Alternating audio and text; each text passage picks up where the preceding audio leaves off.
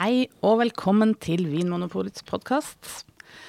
I studio i dag sitter Anna Stuland, Niklas Lindmark og jeg heter Anne Engrav.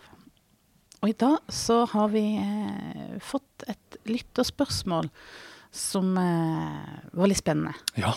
Det var du som fikk det, Anders. Det var jeg som det ramlet inn i min, eh, eller i vår felles eh, e-postkasse. Men det var jeg som var på vakt. Og da eh, Jeg hoppet ikke i stolen, men jeg, det var mer sånn at jeg danset rundt. Eh, fordi jeg, dette var et spørsmål som eh, jeg ble veldig glad for, da. Ja vel. For jeg syns det var veldig spennende. Eh, fordi det er da en, en mann eh, som eh, Jeg vet ikke om det, er så, om det er så viktig at det er en mann, eller om det er en dame, eh, men uansett. Det er et menneske. Det, ja, som hadde hørt på podkasten, og som da sa at han han hadde samlet eh, en gjeng, eh, og så hadde de blindsmakt eh, litt forskjellige musserende viner i to omganger. Det var Cremande Cremant de Bourgogne, det var champagne, det var cava, det var prosecco. Det var en liksom fin, fin blindsmaking. fin blindsmaking med mange forskjellige typer musserende. Og, og forskjellige måter å lage musserende på. Ja, nettopp. Og så eh, eh, så skulle de da på en måte eh, rangere vinene. Hvem var det de syntes var best? Og, det, og da var det eh, viste at det, mange i denne gjengen her, de reagerte på noen av vinene. Eh, fordi de fant noen aromaer som eh, de forbinder med fusel. Eller sånn liksom, sånn dårlige brennevinsaromaer. Ja. Ja. Sånn som er liksom fra hjemmebrent eh, aromer. Ja, eh, og eksempel champagnene, de kom dårlig ut i denne blindtesten fordi eh, de fant disse ikke så fine aromaene. Ja. Um, så da, eh, så, så det, han da hadde spørsmål hva, hva kan dette være for noe? Uh, og er det, er det liksom fu, fusel det er snakk om? Men Fordi han, vi ja, han, han hadde vokst opp på Han var ung, han var ung på 80-tallet. Uh, og kommer fra Trøndelag, som han skrev. Så han hadde vært borti disse aromaene før. Eh, men da var det da snakk om produkter som ikke var kjøpt på Vinmonopolet. Men det jeg syns er interessant, for jeg har aldri hørt noen eh, komme med aromaknagger Aromaknaggen fusel i forbindelse med museene før. Så det må jo være en aroma han har godt kjennskap til. Men skal vi bare ta sånn veldig, veldig kort hva er fusel? Ja, ja fordi det er jo som du sier, dette her er eh, Fusel er det stort sett folk som eh, holder på med brennevin som snakker om. Hva, hva, hvorfor oppstår det? Det er eh, Når de destillerer, så eh, Eller jeg tror nesten vi må ta det et skritt tilbake, faktisk. Eh, Fordi eh, før du destillerer et brennevin, så må du ha en alkoholholdig væske. Det er det som man gjerne kaller sats. Ja. Og det kan være noe som ligner på et øl eller en vin eller noe sånt noe. Men hovedpoenget med å lage en sats er jo at du vil ha etanol, som er den alkoholen som det er mest av i, i vin og brennevin. Men så produseres det også en del andre alkoholer eh, og fettsyrer og, og sånt noe i denne gjæringen. Eh, og når du da destillerer denne satsen, så er det jo etanolen først og fremst du vil ha med videre, i tillegg til sånn verdifulle eller gode aromastoffer, hvis du vil det. Og i destilleringsprosessen så eh, skiller du ut etanolen ved hjelp av å regulere temperaturen underveis i destillasjonen. Og da er det sånn at eh, etter hvert som temperaturen i satsen øker, så vil eh, de alkoholene som er litt sånn større molekyler, de vil da eh, fordampe på en høyere temperatur, så de vil komme på slutten av destillasjonsprosessen. Så det betyr at eh, hvis du tar, tar bort eller velger å ikke ta med den siste delen av destillasjonen, så unngår du å få med da disse store eh, alkoholmolekylene, som da kalles for høyere alkoholer, eh, og som, hvor noen av dem da gir en litt sånn ubehagelig aroma. Og eh, blindhet. Også metanol for eksempel, er jo et, sånn- en, et alkohol som man ikke vil ha med, men som kommer da liksom på, på slutten. Det er derfor det er et poeng å ha litt kontroll over destillering. Ja, Så du vet hvilke ting du får med over på andre sida. nettopp. Og sånn som når du driver da potstill-destillasjon, så, så får du ikke et så rent brennevin som når du bruker sånne moderne kolonneapparater. Og potstill det er på en måte bare en, en gryte med en lang hals. Ja, Ser ut som en, sånn, en stor kobberløk. Hvilke brennevin er det vanlig med? Ja, Det er jo f.eks. Eh, skotsk eh, single malt. da. Mm. For eksempel, det destilleres alltid på potstill. Og da er det sånn at eh, destillatøren eh, av en single malt vil gjerne ha med eh, litt grann av fuselen. Fordi det er noe litt sånn spennende aromaer der som går i retning av noe sånn honning, kjeks og det litt sånn dype kornpreget. Det kommer først på slutten eh, av destillasjonen. Det Eh, er jo eh, litt morsomt, eh, for nå ringer det jo liksom bjeller når du sier sånn honningkjeks. Mm, nettopp. Og, og Men- røykaromaen også. Hvis det er brukt røyket malt, f.eks., så er det sånn at disse fenolene som gir røykaromaen, de også kommer liksom på tampen av destillasjonen, når det nærmer seg halen, som man kaller det. Men jo mer fusel det blir, jo mer går disse aromaene over mer mot sånn kål og Ja, Det blir eklere og eklere. Ja, Kål og spy og svette og eh, sånn eh, ja, mudder og ja, ufine ting. Mm. Så det, og da er, det det er fusel. Det er fusel. Eh, og det er jo, det er jo aromaene fra fuseloljen eller fuselen som han da har kjent, denne innsenderen. Eh, og da er det snakk og da, og da tenker jeg med en gang på at det er, ok, da er det dette aromaspekteret fra den litt sånn fine kjeksen og honningen til dette ufyselige. Det er sånn, sånn gummi, røyk og spy og svette. Ja, for det er ufyselig. Det er jo Det kommer jo fra fusel. Gjør det det? U, ufyselig? Jeg har bare alltid trodd det. Nei, gjør det det? Jeg trenger, er, man, vi snakker om at man, er, at man er fysen. Ja. Jeg fyser på noe. Ja, ja men det er ufyselig. og det du er uf, ufysen på, det er det du ikke Ja. Er det ikke det? Vi får sende en mail til Vi er akkurat Språkrådet. vi er, vi er sånn der parallell språkteig. Nei, så um, Ja, så det, er kan- det er spennende. Og det, og det kan, og vi vet jo det at eh, selv om eh, vin og museumsvin lages på en annen måte enn brennevin, så kan det være at det er snakk om de, noen av de samme stoffene eh, allikevel, Mm. som kan gi disse aromaene. Mm. Eh, så da, da måtte jeg undersøke litt. Fordi det første som slo meg da fordi han, sa at Cremant de Bourgogne og spesielt champagnene var der de kjente det lettest, dette fuserpreget, som de kalte det. Og da tenkte jeg at det, som er typisk for de to vintypene, er jo at det er viner som ligger lenge på bunnfallet av døde gjærester. Og de løser seg opp etter hvert, disse gjærcellene. Eh, Det er, en sånn, eh, det er enzymer inni cellene som bryter opp gjærcellene. Eh, Og da dannes det en, del sånne aromastoffer som gir litt sånn kjeks, brødbakst og soppaktige aromaer. Og hele denne prosessen kalles autolyse. Og dette preget liker vi å kalle for autolysepreg. Og det er noe, Ja. som vi, noe som vi nesten forventer skal være på plass i større eller mindre grad i champagne, f.eks. Ikke Ja. sant? Jo, Mm. Ja. absolutt. Det er et kvalitetstegn, tenker jeg. For der er det på en måte, det er minimumskrav for champagne eksempel, om Mm. at det skal ligge eh, lenge på, på bunnfall. Mm. Ja. Så da tenkte jeg kanskje det er autolyse som er grunnen til at de har reagert her. Og da eh, måtte jeg undersøke litt, og det viser seg det at et av biproduktene underveis i autolyse er nemlig sånne amylalkoholer. Og det er, ak altså det er amylalkohol som gir den ufyselige, liksom ikke så fine preget i korn- og potetbasert brennevin. Hvis det er fuseloljer med. Dette her er jo altså helt uh, vilt. Det er ganske vilt. Men det jeg ikke vet, er jo om det er nok amylalkohol eh, fra autolyse til å komme over eh, det som vi kaller for terskelen, da, for, også, eh, for at du skal kunne sanse det.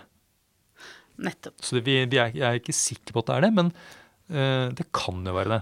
Og for å være sikker på at det var det de kjente, så måtte man jo nesten ha sendt det inn til noen sånn kjemisk Mm. analyse. Ja. Men det er en veldig interessant hypotese. ja.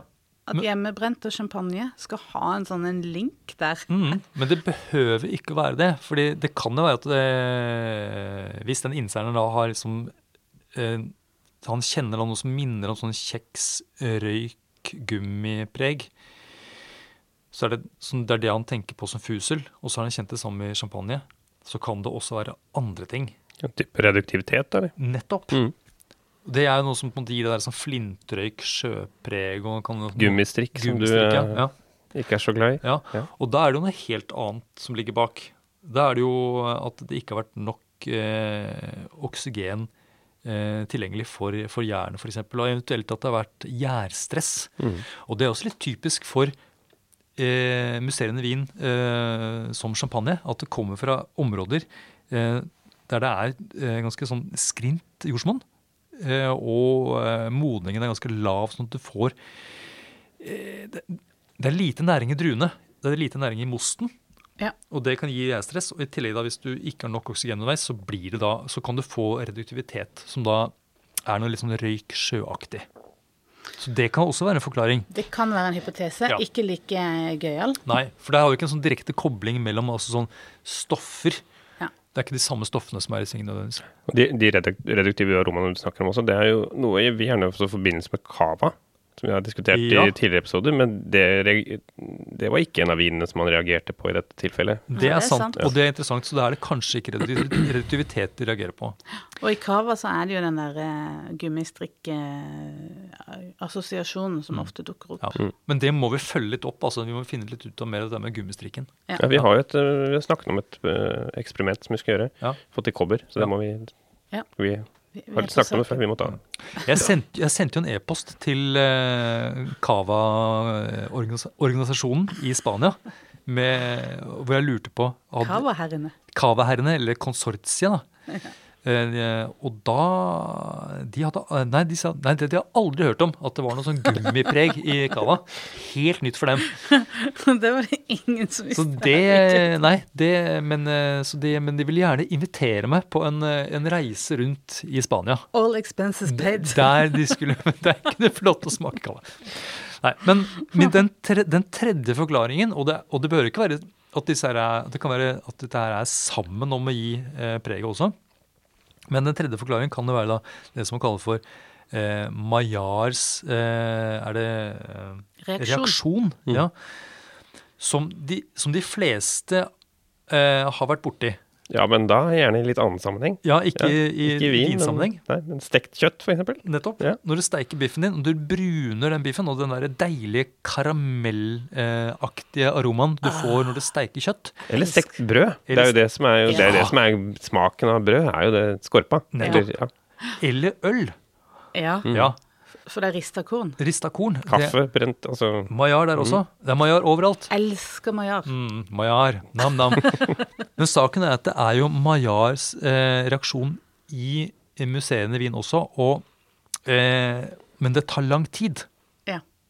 Og så her igjen så er det dette med at eh, champagne eh, spesielt, og gjerne de litt, eh, litt eh, høyere på en måte, oppe i hierarkiet, de ligger lenge.